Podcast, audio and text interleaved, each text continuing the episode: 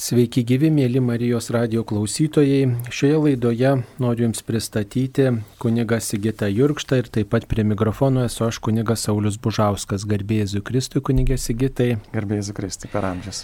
Taigi, kovo 25 dieną popiežius Pranciškus kartu vienybėje su viso pasaulio vyskupais, kurie bus pasklidę po savo katedras visame pasaulyje paukos Rusijai ir Ukrainą nekaltai Marijos širdžiai. Kaip žinome, tai yra senas troškimas, dažnai sklandžiusi mintis, kad Rusija turi būti paukota nekaltai Marijos širdžiai, dažnai prisimenama ir svarstoma šita tiesa. Ir štai pakalbėkime šioje laidoje apie tai, ką reiškia paukoti, kodėl Rusija būtent reikia paukoti nekaltai Marijos širdžiai ir kuo čia dėta Marija. E, pirmiausiai galbūt e, pasvarstykime, iš kur kilo šita mintis pašvesti, paukoti Marijos širdžiai būtent Rusija. Koks tas būtų pirmasis šaltinis, kuo remiasi šitas troškimas, šitas prašymas galėtume dar sugrįžti prie anksčiau įvykusio apsireiškimo įvykusio Marija Margarita Lekok, Jėzaus širdies. Ir tenais Jėzus prašė, kad e, karalius Prancūzijos jis paukotų savo šalį, paukotų švenčiausiai Jėzaus širdžiai. Va, štai e, tokie buvo žodžiai, pasakyti 1600, na, kitaip sakant, pasakyti lygiai, lygiai, lygiai šimtą metų prieš e, Prancūzijos revoliuciją jisai Jėzus sakė, pranešk vyriausiam sūnui, tai yra karaliui apie mano švenčiausiąją širdį, kad kaip jo gimimas laikė buvo gautas dėl pamaldumai mano šventosios kūdikystės nuopelnus, taip jis gims maloniai ir amžinai išloviai paukojimu, kurį jis pats atliks mano švenčiausiai širdžiai, norinčiai triumfuoti jo širdžiai, o per jo pastangas šio žemės galiūnams. Ji nori karaliauti jo rūmose, kad būtų nutapyta ant jo vėliavų ir išgraviruota ant jo ginklų, kad jis nugalėtų savo priešus, parklobytų šią kitą sprendį ir išpuikusią tautą ant kelių, kad jis pasiektų pergalę prieš visus šventosios bažnyčios priešus. Ir šventoji Margarita kelis kartus paragino, bet prancūzijos karalius Liudvikas XIV atsisakė. Ir lygiai po šimto metų įvyko e, paskelbti, tą dieną paskelbta nacionaliniu susirinkimu ir prasidėjo Liudviko jau kito karaliaus Liudviko XVI e, pabaigos pradžia Ir štai vyko irgi baisus irgi persiekimas bažnyčios Prancūzijoje. Ir štai galim vėl dabar susijęti, e, Dievas tarsi vėl toliau vykdo savo išganimo darbą istorijoje ir šį kartą jau duoda mums kartu ir Marijos širdį, e, kaip pati Marija Fatimoje, apsiriškimuose Fatimoje, e, tiems trims piemenėlėms, Jacintai, septynių metų, Pranciškui devynių metų ir Liucijai dešimties metų ji irgi atskleidžia keletą dalykų, kurie iš pat pradžio atrodo tokie ganėtinai lyg ir skirtingi, ne, netgi tokie, kur e, tie vaikeliai iš viso net nežinojo, kas ta Rusija. Štai kai, kai jų paprašė mergelė Marija e, apie Rusijos paukojimą, ji, e, va, pavyzdžiui, Pranciškus sako, tai kas ta Rusija, sako, gal čia yra dėdės Jakimo asilė. Bet Liucija protingai pas, pataisė, sako, ne, čia yra moteris, turbūt giliai tikinti katalikė. Jie nežinojo nei kas ta Rusija, nei kas ta šventasis tėvas. Taigi mergelė Marija ypatingai jiems parodė tris paslaptis, dabar jau žinome visas jas tris ir jos visos trys yra labai susijusios. O štai galiu paskaityti jų tą paslapties, paslapčių viziją. E, štai pirma buvo pirmas regėjimas pragaro, antras regėjimas apie, apie Rusiją, apie karą apie jos nekaltąją širdį ir trečias regėjimas apie būtent pasikesinimą į popiežių. Tai štai Dievo motina mums parodė didžiulę ugnies jūrą, kuri atrodė esanti po žemę. Vėlgi čia primenu, vis tiek tos vizijos yra simbolinės, bet jie atskleidžia dvasinės tiesas, jos pasinėrė toje ugnyje demonai ir sielos lik permatomos juodos ar bronzos spalvos žmogaus pavydalo žarijos, subavo gaisre neždami nešami liepsnų, kurios klido iš jų pačių kartu su dūmų debesimis ir krito iš visur, lik besvoris žiežirbos per didelį gaisrą. Karo metu dauguma sielų eina į pragarą. Taigi vis dėlto pragaro vizija buvo susijusi su, su karu, taip pat ir, kaip vėliau Jacinta irgi paskui pasakoja, ir su kūno nuodėmėmis kalba apie madas, kurios viešpačių nepatinka, kad bažnyčia neturi madų, kalba apie štai tas e, kūno nuodėmės, kurios veda į pragarą. Čia įdomu, kad e, tai turi šaknis ne tik tai 1917 metais, bet dar yra ir anksčiau, 17 amžiuje, 1689 metais tas krašto paukojimo, pašventimo Dievui, pašventimo didesniai Dievo garbėjai motyvas jau aiškus. Tai Fatimoje mergelė Marija prašė, kad Rusija būtų paukota jos nekaltai širdžiai. Tai galbūt reikėtų mums iš eilės įsiaiškinti, kodėl būtent e, Rusijos to paukojimo mergelė Marija prašė. Kuo čia dėta Rusija? Taip, labai geras klausimas, nes visų pirma, tai Rusija nuo pat savo atsivertimo pradžios jį turėjo tokį labai ypatingą pamaldumą Marijai. Galim pažiūrėti ortodoksų bažnyčioje, kokios yra nesuskaitomos ikonos mergelės Marijos. Tai labai kurstė tos tautos tokį pamaldumą bet e, taip pat nuo 1917 metų spalio revoliucijos, kuri įvyko praėjus dviem savaitėms po Fatimos apsiriškimo pabaigos, kaip tik Rusija tapo tokios marksistinės, ateistinės ideologijos tvirtovė. Ir va, kaip matėme tose Marijos žodžiuose, kad Rusija paskleis savo klaidas po pasaulį. Ir vėlgi, kasgi tos klaidos? E, be abejo, tai kartu ir ateizmas, komunizmas ir Taip pat e, kitas dalykas, vat, štai yra tokia mintis priskiriama irgi Sesė Liucija iš tikrųjų, kad paskutinė kova tarp Dievo ir Šetono vyks, tarp, e, vyks e, dėl šeimos. Ir juk prisiminkime, kas pavyzdžiui pirmasis legalizavo abortus. Tai būtent Leninas 1920 metais jis yra tas abortų teisų pradininkas. Ir vat, mes tikrai labai liūdime, kai Ukrainai, pavyzdžiui, virš šimto vaikų nužudyta, bet, bet pavyzdžiui, mūsų vakarų pasaulyje ir apskritai visame, ne tik vakarų, bet ir rytų, ir, nes daugiausia abortai yra legalizuoti būtent komunistinėse šalise. Įdomus dalykas yra tas, kad jeigu jau e, ten Rusijoje yra daug cerkvių, daug, daug šventovių ir ten tas pamaldumas mergeliai Marijai, tai galbūt jau pati ta tauta arba bent jau tos tautos atstovai meldžiasi mergeliai Marijai ir ją gerbė, tai galbūt na, to pakaktų, kodėl štai dar Marija prašo kad būtent būtų at, paukota visa tauta, visa tauta, visas kraštas, visa valstybė paukota nekaltai širdžiai. Tai galbūt dar toks yra motyvas, kad ta visa, visi tie žmonės tapę tarsi savo valdžios įkaitais ir kad tikrai visi žmonės kažkokiu būdu įsitraukia į tokį priešiškumą visam pasauliu, į, į savo tokį pranašumą, į tokį norą galbūt kažkokiu būdu žvelgti į kitus iš aukšto ir, ir tiesiog, na, kitus žmonės kažkaip žiūrėti kaip į menkesnius ir na, ta tokia negatyvi įtaka yra išplitusi į daugelį kraštų. O ta komunizmo tvarka vienai par kitaip yra palietusi daugelį tokių vargingų kraštų visose žemynuose praktiškai. Taip, aš galėčiau netgi paminėti specialiai domėjusi, kur sukėlė karus komunizmas. Tai pasirodo didelė daugybė šalių, pavyzdžiui, komunistiniai sukilimai įvyko Bangladešė, Mianmarė, Malazijoje, Kongė, Meksikoje, Kuboje, Filipinuose, Peru, Jamaikoje, Turkijoje, Indijoje, Nikaragvoje, Rodezijoje, civiliniai karai komunistų sukelti Etijopijoje, Kambodžoje, Kinijoje, Afganistane, Graikijoje, Korejoje, Laose, Mozambike, Nepalė, Rusijoje, Salvadorė, Somalija, Pietų Jemene, Vietname. Matome, kiek daugybė šalių palėtė. Mes tik tai matome, bet kas šalia mūsų dedasi, bet tos komunistinės karai jie labai daug nusinešė žmonių gyvybių. Ir ne tik tai, kad gyvybių nusinešė, bet ir apskritai tą nepagarbą žmogui, nepagarbą tikėjimui, nepagarbą Dievui kaip e, jo kūriniui, kad tai buvo tam tikras toksai, na, to turtingesnio, įsilavinusio žmogaus e, nuvertinimas, to, kuris turi kažkokią nusavybę, to, kuris turi šeimą, to, kuris myli savo kraštą, toks sumenkinimas, skriauda ir apskritai bet kokių tokių intelektualinių pajėgų toksai žalojimas visų tų žmonių, kurie, reiškia, siekė mokslo, pažinimo, tam tikras sumenkinimas buvo praktiškai visuose tuose kraštuose. Žinom, kaip sovietų kariai elgėsi ir su bibliotekom, ir su, su bažnyčiom, su vietinė kultūra, vietinė krašto kultūra.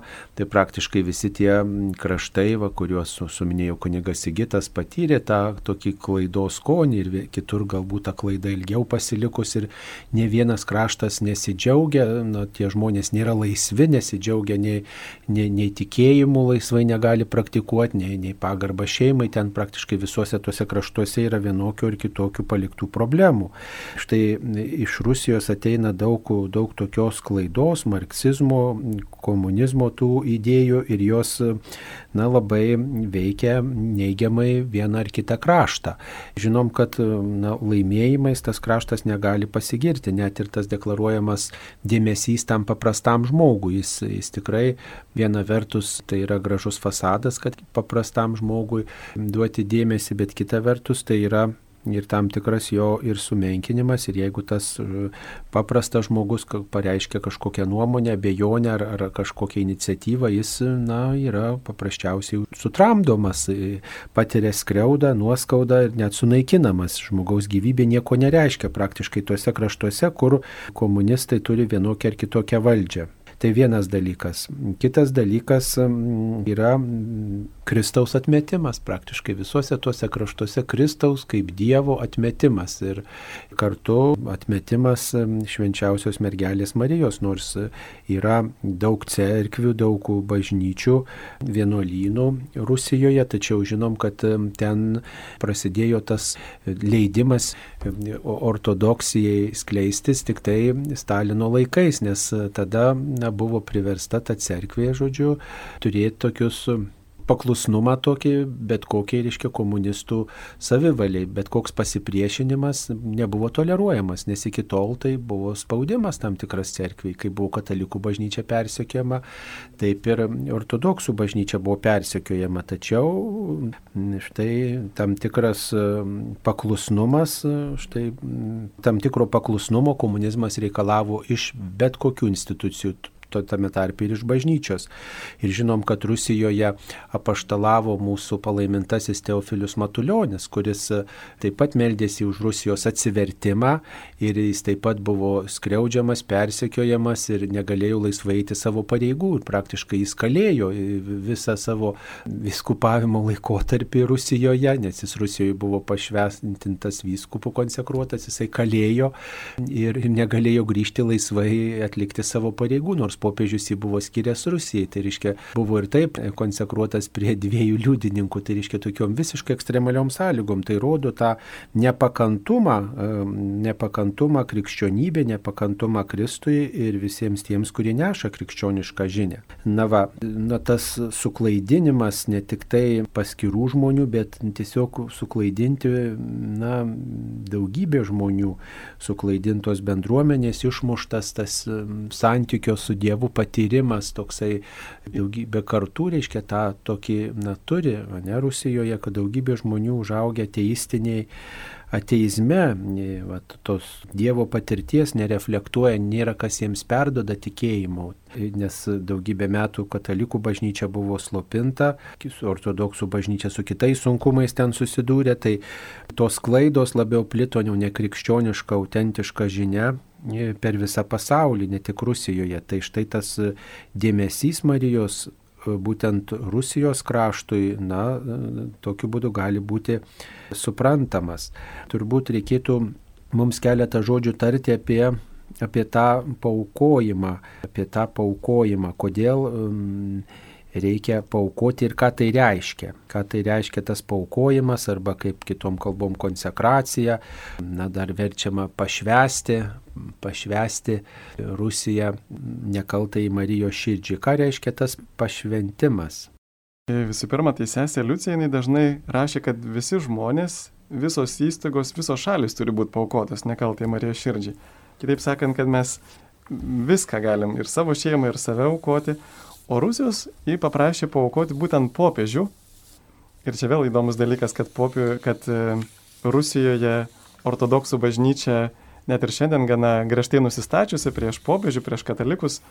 Ir visgi Marija pripažįsta popiežių kaip štai tą tikrai tarsi Kristaus vietininką. Jį kartu su visais pasaulio viskupais vienybėje. Tai reiškia, ką tai reiškia, popiežius su visais pasaulio viskupais, jie susirenka tik tai per visuotinį susirinkimą, per patį aukščiausią bažnyčios, galima taip sakyti, valdymo organą, na, per, per tą būdą. Ir, ir čia galime prisiminti irgi tos Jėzų žodžius. Petrui, ką suriši žemėje, tas bus surišta ir danguje, ką atriši, tas bus atrišta ir danguje. Taigi tas prašymas kartu nurodo, kaip Dievas rimtai žiūri į popiežiaus autoritetą pasaulyje. Tas paukojimas taip pat yra ir tokio, kaip pasakyti, atsiteisimo irgi visą laiką turi atspalvį, kad mes turim ir pašvesti, ir kartu melstis už, už Rusiją. Va štai pavyzdžiui, jį dažnai sesio Liucija kartuodavo, kadangi gyveno vėliau Ispanijoje, paskui vėl grįžo į Portugalijos karmelitų vienuolyną, tai jinai sakydavo saldžioji Marijos širdie, va štai tiksliau ją išmokė taip e, mergelė Marija, kad saldžioji Marijos širdie būk Rusijos, Ispanijos, Portugalijos, Europos ir viso pasaulio išgelbėjimas.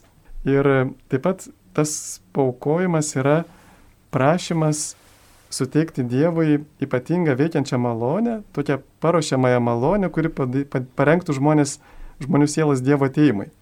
Va Marijos visą laiką yra tas uždavinys paruošti kelią Jėzui ateiti į pasaulį, per ją Jėzus atėjo.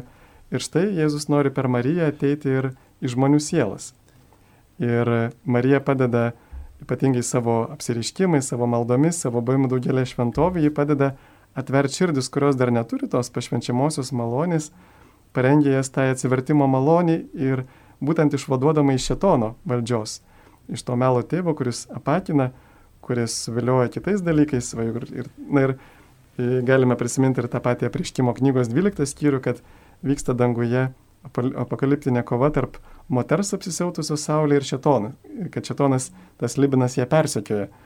Tai ir, ir ta pati proto evangelija iš vadinama tas pažadas e, Adomui ir Jėvai, kai, kai Dievas sako pradžios knygų, kad sukelsiu nesantaiką tarp tavęs ir moters, tarp jos, tavo palikonių ir jos palikonių ir e, ji, tai yra Ainyje, E, Marijos einyje sutrins tau galvą. Taigi matome, kad čia įvyksta tai, kas yra išpranašauta jau Biblijai, kad Marija kovoja prieš šetoną ir nepamirškime, kad ir tose apreiškimo knygoje ir apokaliptinėse knygose tie žvėris įvairūs, įvairūs ragai ten jų ir, ir galvos ir taip toliau simbolizuoja valdovus, valstybės vadovus, tam tikrus valdovus. Ir štai mergelė Marija jinai kovoja prieš šetoną, kuris yra pavergęs pasaulį, va štai per tam tikrus galbūt asmenis, valdovus. Na ir tai, va, tai yra mes prisidam prie dvasinės, šitos dvasinės kovos. Na, turbūt e, gal mums tą paukojimą geriausiai padėtų suprasti toksai pavyzdys iš e, šventojo popiežiaus Jono Pauliaus antrojo gyvenimo. Turbūt daugelis mūsų Marijos radio klausytojų prisimenate šventąjį popiežių Joną Paulių antrąjį, galbūt prisimenat, kaip jis lankėsi Lietuvoje, gyvą matėte čia mūsų krašte, galbūt matėte jį per televizorių ekranus, girdėjote kalbantį, girdėjote apie jį įvairiausių laidų ir, ir tokių pranešimų ir jo, jo, jo veikalų skaitėte, tai tas popiežius tikrai artimas mūsų laikams, mūsų kraštams ir mūsų žmonėms, tai žinom, kad jo vyskupiškas, popiežiškas šūkis buvo totus tūus, visas tavo popiežius Jonas Paulius II anksti neteko mamos. Jo mama anksti mirė, o jį, juo rūpinosi tėvas. Žinot, iš jo biografijos yra toks faktas, kad štai jis, Jono Pauliaus II tėvas, atsivedė tą būsimą į popiežių Joną Paulių II, tuomet Karolį Vaitylą dar, prie Marijos altoriaus ir, žodžiu, ir sako, štai bus tavo motina. Ir tu, va, štai kreipkis į ją ir prašyk jos globos. Tai vat e, savotiškai tas tėvas jį paukojo, pavedė Dievo motinai ir jis tą labai rimtai priėmė, dar tuomet e, net ne kunigas ir, žodžiu, tą pamaldumą Dievo motinai puoselėjo ir tapęs vyskupu, popiežiumi, štai pasirinko šūkį totus tūs, reiškia visas tavo, o Marija, reiškia visas tavo. Kito pavedimas tai irgi labai na, toks yra svarbus dalykas, nes susijęs su tokiu rūpeščiu, kad man rūpi kitas žmogus, kitas kraštas, kita bendruomenė ir aš trokštų, trokštų globos tam žmogui, tam asmeniui, tai bendruomeniai arba tai šaliai, kaip šiuo atveju Rusijai. Aišku, čia tokia problema yra, kad e, Rusija galbūt jinai, Rusijos žmonės galbūt e, į šitai žiūri truputį taip gal kritiškai, kodėl popiežius čia vat štai aukoja Rusiją, kai mūsų krašte, sakytų, Rusijoje yra daug ortodoksų ir štai teko taip pat domėtis jų tokių kritiškų galbūt žvilgsnių į šitą vat, popiežiaus sumanimą ir kodėl jie taip kritiškai žiūri dėl tokių trijų priežasčių. Tai pirmoji priežastis ta, kad tam pašventinimui reikia tokio asmens sutikimo, tam paukojimui reikia sutikimo. Rusija turėtų tarsi sutikti ir jie truputį sako kritiškai, kaip čia mes nesutinkam, o mūsų kraštą čia kas skiria, skiria vat, Marijos globai. Taip, galbūt tikinti žmonės sutiktų, bet yra netikinčių, kurie galbūt kažkaip žiūri, o kodėl tas yra daroma. Taip pat kitas dalykas tai yra tas, kad tas nekaltosios širdies triumfas arba ta, tas šird, Marijos širdies nekaltumas siejamas yra katalikų bažnyčioje su Marijos nekaltuoju prasidėjimu, kad jie apsaugota nuo gimtosios nuodėmės, nuo pat savo prasidėjimo momento. Tai stačiatikių teologijoje nėra gimtosios nuodėmės apsaugojimo nuo gimtosios nuodėmės tokios teologijos, jie tiesiog svarsto apie tai, kad nuo domo visi žmonės turi tokį sugėdimą, prigimti sugedusi yra. Va ir tiek, ir nėra tokio svarstymo, kad Marija yra nekaltasis prasidėjimas, kad štai Marija prasidėjo be nuodėmės apsaugota e, nuo bet kokio Adomo neklusnumo, nuo pat savo prasidėjimo momento, Adomo ir Jėvos neklusnumo.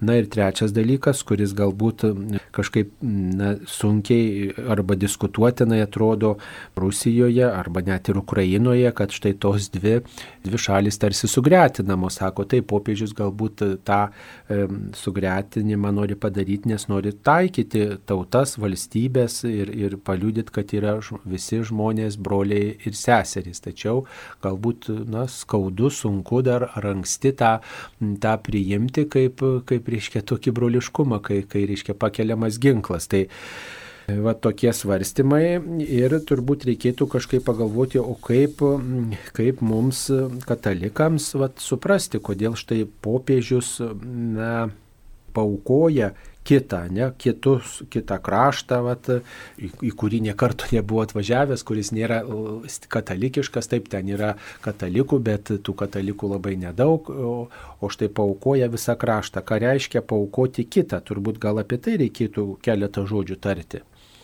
Čia irgi va labai net keli tokie dalykai susiję. Vienas dalykas tai užtarimo malda, kada mes melžiam už nusidėlių atsivertimą, mes irgi jo neatsiklausėm jo leidimo. Taip, ar aš galiu už tave pasimelsti, mes melžiamės, nors jis galbūt sako, tik tik eik ir nesimelsk už mane niekada. Ir per tai Dievas jiem duoda malonę atsiversti, taip, iš, išlaisvina nuo tokio, na, bet vėlgi jis tą malonę gali ir turi laisvą valią ją priimti arba atmesti. Paskui antras dalykas yra, kad mes irgi galim atsiteisti už kitus. O pavyzdžiui, kažkas padarė nuodėmę, va, kaip šventojo kudikėlė Jėzus Teres. Jie meldėsi už nusidėlio atsivertimą ir, ir atsiteisė, aukojo savo kančias, va taip pat ir Marija e, tų vaikelių prašė, sako, ar, ar norėtumėt priimti, ar norite pasiaukoti Dievui ir iškesti visas kančias, kurias jis norės jums siūsti dėl atsiteisimo, už nuodėmės, kuriomis jis yra įžeistas ir dėl nusidėlio atsivertimo. Taigi antras dalykas, mes vėlgi galim be leidimo kito žmogaus už jį atsiteisti. Ir čia beje, vadodėl pasiaukojimas labai dar susijęs su pirmų šeštadienių e, praktika, pirmųjų šeštadienių. Ir va sesė Liucija vėliau, kadangi nors apsiriškimai tiem vaikam liovėsi po, po tų kelių kartų, bet sesė Liucijai su jie Dievas palaikė ir mergelė Marija ryšį per visus keliasdešimt metų. Ji dažnai gaudavo įvairių tokių ir, ir, ir, ir apsiriškimų, dar ir pranešimų. Ir štai vienoje vietoje irgi ji rašo, kad gerasis Dieve, gerasis viešpat žada baigti persiekimus Rusijoje jei šventasis tėvas pats atliks iškilmingą atsiteisimo, vat, jinai susiję atsiteisimą ir Rusijos pasiaukojimo, švenčiausiai Jėzaus ir Marijos širdžiai aktą, taip pat įsakys visiems katalikiško pasaulio viskupams tą patį padaryti ir tada šventasis tėvas turi pažadėti, kad šiam persikėjimui baigiantis jis patvirtins ir rekomenduos šią atsiteisimo pamaldumo praktiką, būtent pirmų šeštadienį. Taigi štai antras momentas - atsiteisti tiek už nuodėmės. Ir čia dabar mergelė Marija, jinai konkrečiai prašo savo vaikų, kurie ją priima, atsiteisti būtent už jai padarytas nuodėmės. Čia vėlgi, kodėl tie e, penki šeštadienį, nes Pavyzdžiui, būtent vėliau jau, vėlesnėse apsireiškimuose, sesė Liucijai, jį išvardina penkias rušis tų nuodėmių prieš mergelę Mariją. Tai va pirmas - pikdžodžiavimas prieš jos nekaltą prasidėjimą, antras - prieš jos mergystę, trečias - prieš jos motinystę atsisakant ją priimti žmonijos motiną, ketvirtas - atsiteisimas už tuos, kurie viešai dėgia abejingumą, nepagarbą, neapykantą Marijai. Ir penktas, kurie ne, niekina ją tiesiogiai prieš šventus atvaizdus. Štai todėl yra tie penki pirmų mėnesių šeštadieniai Ir taigi Marija prašo, kad būtų atsiteista Dievui tėvui. Ir ne todėl, kad e, va, štai kažkaip jinai ten jaučiasi įžeista, bet todėl, kad Dievas tėvas nebaustų. Štai Marija rūpinasi savo vaikais, ne savo garbe, bet savo vaikais, kad Dievas tėvas jų nebaustų už jai padarytas nuodėmes tas bendradarbiavimas Dievo planuose yra labai svarbus, kad mes taip pat vat, priimam, kad ir mūsų malda, mūsų auka yra na, pagalba tiem žmonėms, kitaip sakant, sielų išgelbėjimui, žmonių išgelbėjimui yra na, tokia parama, palaikymas ir Dievo akivaizdoje tai yra kaip brolystės ženklas. Dabar kaip tik tai popiežius išleidęs encikliką, kuri lietuviškai pasirodžiusi, fratelė tuti, reiškia visi yra broliai. Broliai ir seserys. Tai čia yra proga parodyti, parodyti tą broliškumą tokiu būdu tiem žmonėms, nuo kurių e, galbūt ir nukentėjo daug kas Ukrainoje ir visame pasaulyje per istoriją. Tai, tai vad kito asmens paukojimas tai yra užtarimas kito, dovanojimas Dievo globai ir Dievo šventųjų, ypatingai Dievo motinos globai ir taip pat taip pat yra bendradarbiavimas Dievo planuose. Ir čia turbūt dar reikėtų irgi keletą žodžių tarti apie tai, kodėl vat, na, tas Marijos asmo čia šmėžuoja. Marija vat įsiterpia, Marija Fatimoje kalbėjo, Marija čia nori, kad jos nekaltai širdžiai būtų paukotas, paukotas tas kraštas. Rusija ne ir prašė to daugybę kartų, ne tik 17 metais prašė, bet ir prašė vėliau tokiuose apsireiškimuose sesiai Liucijai ir 1929 29-30 metais, kada jau buvo patys paskutiniai tokie privatus tie apsireiškimai, žodžiu, tas, na, Marijos primiktinis prašymas paukoti Rusiją mano nekaltai širdžiai. Nuo 17 metais tas nebuvo padaryta, tačiau net ir praėjus daugiau kaip 10 metų po to įvykio, po, po pirmojo apsireiškimo vis tiek tas prašymas vis tęsiamas ir tęsiamas, ar ne? Ir, ir jis net ir dabar prisimenamas. Tai turbūt reikėtų irgi na, keletą žodžių tarti, kodėl vat, būtent Marijai, tarsi Marija užtoja patį Dievą, ar ne, atrodo Marija tik tai žmogus visų labų, kad ir buvo apsaugota nuo gimtosios nuodėmės, nepadarė jokios nuodėmės, visiškai klusni Dievo valiai, bet jinai sakė, štai aš viešpaties tarnaitė. Ir jinai Dievą, na, vat, nėra virš Dievo, kad ir, kad ir šventas, bet žmogus, na, vat, kad ir švenčiausiai mergelė Marija, bet žmogus, ne Dievas, vis tiek kodėl štai va, būtent į Mariją, nesakykim, ne, ne kad Kristui reikėtų pavesti. Na, va čia irgi galime vėl pasitelkti tą trečiąją Fatimos paslapti, kur e, Liucija pasakoja, matėme švenčiausią mergelę Mariją ir šalia jos kiek anksčiau angelą kairioje rankoje laikantį ugnies kalavyje, kuris atrodė greit padegs visą pasaulį, tačiau liepsnos geso nuo spindėjimo sklindančio iš mergelės Marijos dešinės rankos, angelas dešinę ranką parodė į žemę ir garsiai tarė atgailos, atgailos, atgailos. Tai va žodžiu, kad matome šitoje vietoje, kad mergelė Marija jinai apsaugo pasaulį savo užtarimu nuo teisingos Dievo bausmės. Taigi, nuo teisingos Dievo bausmės už tai, kad e, pasaulis paniekino jo sūnų, va kaip ir tam palyginimą Jėzaus, kad jisai kalba apie iškėtos vynininkus, kurie ir jo sūnų nužudė ir, ir galiausiai vis tiek jo nenori priimti. Tai vad mergelė Marija yra užtarėja, tai tarsi dar dar didesnė, na ne tai, kad didesnė, bet dar tolesnė Dievo gailestingumo dovana tiems, kurie nenori priimti išgelbėjimo per Jėzų.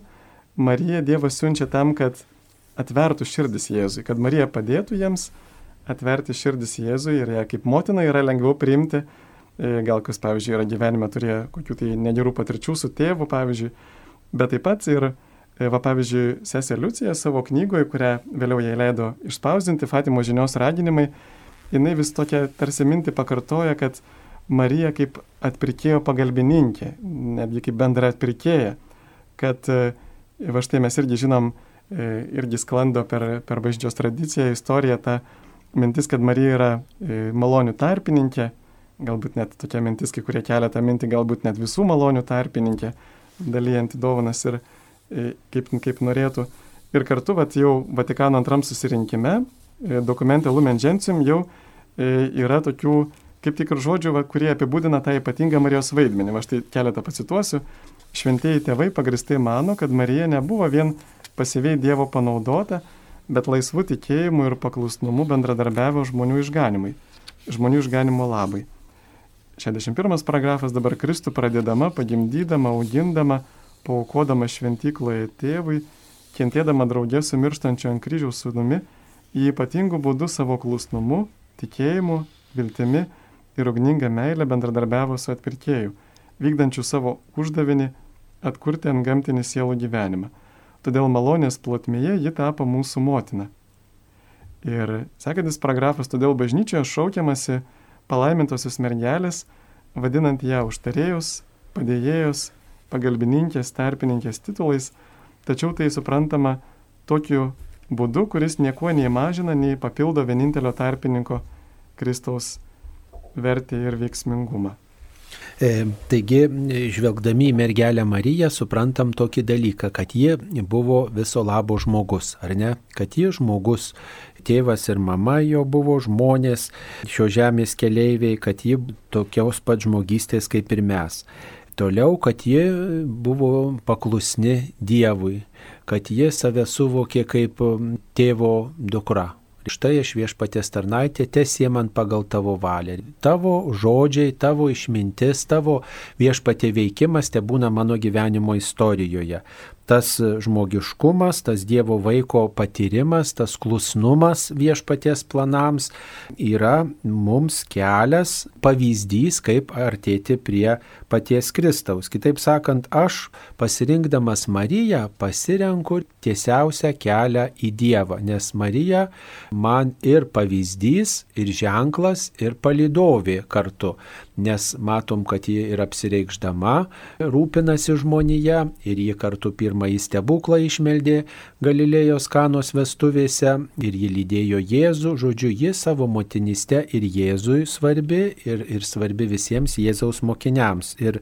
štai na, jos tas prašymas mano nekaltai širdžiai paukoti, tai reiškia, kad mes ypatingai esam artimi va per tą maldos pasirinkimą mergeliai Marijai, bet ji prie savęs mus nepalaiko, ne, nesulaiko, bet ji mus veda prie Dievo, nes Taip kaip ji buvo visiškai susivienijusi su tėvo valia, taip ir mes, pavesdami save Marijai, visiškai tada pavedam save Dievo valiai. Va, čia m, mm, tiesiog yra na, toksai bendruomeniškas mūsų kelias pas viešpati. Tai mums turbūt šiais laikais tokio individualizmo kultūroje, žinot, labai tas gal sunkiai suprantama, bet bažnyčia visada, visais laikais tą bendruomeniškumo idėją puoselėjo, štai, nu, kad e, jog žmogus nėra vienišas, jog žmogus nėra atskiras žemės kauburėlis, sala, kaip Tomas Mertonas sakė, bet mes visi esam nepaprastai susiję. Ir vat, pandemija ir visokios nesėkmės pasaulyje matom, kaip viskas yra sujungta, tarsi kortų namelis. Vieną kortą palieti švelniai ir tada visas kortų namelis griūna. Taip ir žmonija susijusi yra. Štai virusas vieną žmogų paguldė ir tas virusas plito, išplito, nuvilnijo per visą pasaulį. Tai, tai mes susiję esam nepaprastai ir, ir mums svarbu yra remtis į kitą, kaip e, remtis geruose reikaluose, remtis pagalbos prašant, ieškont. Tai va štai Marija yra dvasinė pagalba šitoj vietoj, bet ji, na, ne tik tai tuo savo žmogiškumu mus augo, bet mus kreipia į Jėzų ir visa tai, kas gražiausia, yra Marijoje.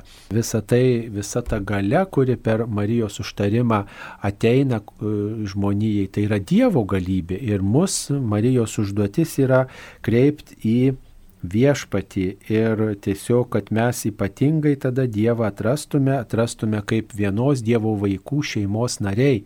Ne tik tai pavieniui, bet kartu, reiškia, su šventaisiais ir ypatingai su Marija, nes jie žmonėms artima yra, nes jis žmogus buvo ir jie mus kreipia Jėzų visų žmonių gelbėtoje. Tai tam pasiaukojimo nekaltai Marijos širdžiai na, aspekte, tame, toje patirtyje, toj maldoj yra tas ir Kristaus aspektas, kristologinis momentas, kitaip sakant, nes Marija seka Kristumi. Marija pirmiausiai klausė Dievo žodžio, Marija buvo Dievo mokinė ir ji tada tik pradėjo savo sūnų, nes ji pasakė, taip, aš viešpaties tarnaitė. Va, ir angelas pasitraukė ir ji pradėjo vaikelį. Ir ji taip pat svarstė ir Kristaus žodžius ir, ir sakė mokiniams, darykite, kitiems žmonėms darykite, ką jis jums lieps. Ji, ji lydėjo Jėzų, ji buvo šalia ir, ir ji na, taip sakant, buvo ir žmogystę suteikusi Jėzui ir kartu ji, ji buvo šalia Jėzaus kaip mokinė, kaip ta, kuri e, jo bendradarbė buvo, reiškia, visuose reikaluose ir net kartu, kartu su visais mokiniais laukė šventosios dvasios nužengimo. Matom e, po, po Velykų, reiškia, sėkminių dieną. Tai yra tas, na, klus paklusnumas Dievui, pavedimas Dievui ir tas e, įsi, įsiklausimas, ne, ir išvelgimas tos Dievo valios, Dievo plano ir tas laukimas, o ką man viešpats pasakys, kur mane toliau veda. Tai, e, na, tai tas kristologinis aspektas čia yra svarbus, kad Marija Dievo mokinė ir jį veda mus prie viešpaties kaip dukra, kaip Dievo vaikas, iškiai jinai rūpinasi mumis kaip sesuo. E, ir e, čia, e, na, neužgožia ji viešpaties, bet jie kaip tik padeda viešpati labiau atrasti Dievą kaip, kaip gėrio ir meilės šaltinį, kaip tą, kuris e, tikrai gali pamatyti mūsų atsivertimą, kur, kuris gali mums padėti ir kaip Marijos gyvenime didelių dalykų padarė viešpats, taip ir mūsų gyvenime per tą atsiverimą gali daug darbų Dievas padaryti.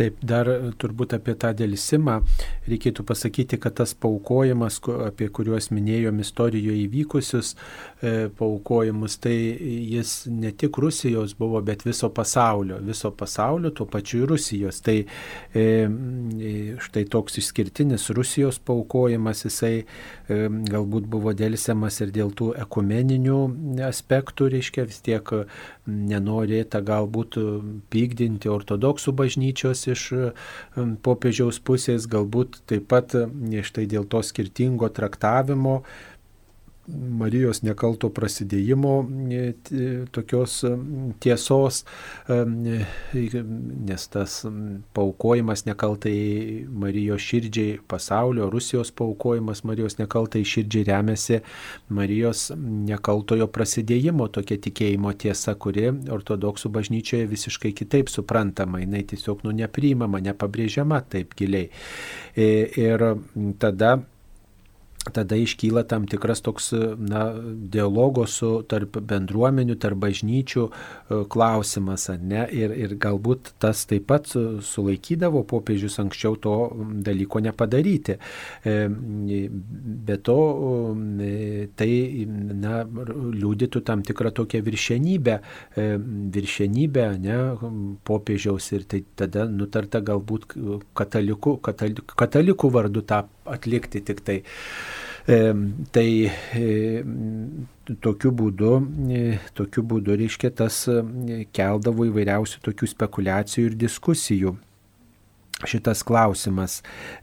Tačiau vat, tas popiežiaus kaip Petro įpėdinio tas paukojimas liudytų, kad mes melžiamės už kitus brolius, na, kurie yra susiję su E, su, su, su komunizmo tema, kuriuos e, tas komunizmas kažkaip yra persmelkęs jų gyvenimą ir tikrai, kaip ir laidoj šitoj kalbėjome, norime melstis už juos, norime taip pat atsiteisti arba atsilyginti už tą blogį, kurį padarė, na, va, tas kitas žmogus, kitas kraštas ir melzdamiesi už kitą, tokiu būdu išgyvenam ir atgailos motyvą patys, nes atsiteisimas, atsilyginimas tai reiškia, kad aš na, gailiuosi dėl to, ką padarė kitas. Ir Dievo akivaizdoje, nu, vėlgi tą broliškumą tokį parodau ir atveriu e, savo širdį ir kito širdį didesniai maloniai, kokiu, e, kokia Dievas arba švenčiausiai mergelė Marija, ypatingas Dievo žmogus, norėtų duoti man arba tam kraštui, už kurį melžiuosi. Ir tai reikalinga ir mūsų pačių tikėjimui, nes mes patys tokiu būdu nu, melsdamiesi už kitą arba atsiteisdami už kitą, svarstydami apie kito padarytą blogį, nuodėmę, klaidą, mes atmetame tą nuodėmę, mes patys atsiribojam nuo vieno ar kito paklydimo ir pasirenkame tiesą, pasirenkame Dievą ir kaip tą, kuris yra na, ne tik mano viešpats, bet kuris gali būti gėrio e, šaltiniu, gėrio davėjų ir tam kitam žmogui, kitai tautai, kitam kraštui. Tai, e, tai čia e, turbūt reikia tikrai svarstyti tokį dalyką, kad tas ne tik tai malda už kitą žmogų, bet ir tam tikras toks, na, visų, visų tų tokių sunkumų prisėmimas, tai čia gali būti susijęjama ir su pasninku, ir su susitaikymu, ir su tokiu svarstymu, kokias nuodėmės aš pats galiu atmesti, pati galiu atmesti. Dėl to, pavyzdžiui, e, kovo 25 dieną, kai popiežius Pranciškus e, tiesiog melsis ir paves, pašves, paukos e, Rusijai ir Ukraina nekaltai Marijos širdžiai bus organizuojamos tokios atgailos pamaldos. Tai va tas atsiteisimo motyvas viešpatie atleisk už karą, atleisk už, už agresiją, atleisk už klaidas, už, už, už prievartą, kuri ten yra Ukrainoje, galbūt iš Rusijos pusės, galbūt yra ir, ir iš kitur ateinanti, toj pačioj Rusijoje, reiškia ateinanti iš, iš, iš netinkamos ideologijos, iš netinkamos tiesos pasi, atmetimo klaidos pasirinkimo, tai tokiu atveju, žinot, tai skatina atgailauti ir pačiam dėl savo asmeninių nuodėmių ir užtarti kitą žmogų, kuris yra klaidoje. Tai va atgailos pamaldos, ypatingai kai organizuojamos bendromeniškos tos pamaldos, jie, e, jos sustiprina tą na, patyrimą tokio bendromeniškumo ir kartu padeda giliau išgyventi e, atsivertimą, atsigrėžimą į Dievą Dievą, kitaip sakant, atgaila giliau yra išgyvenama.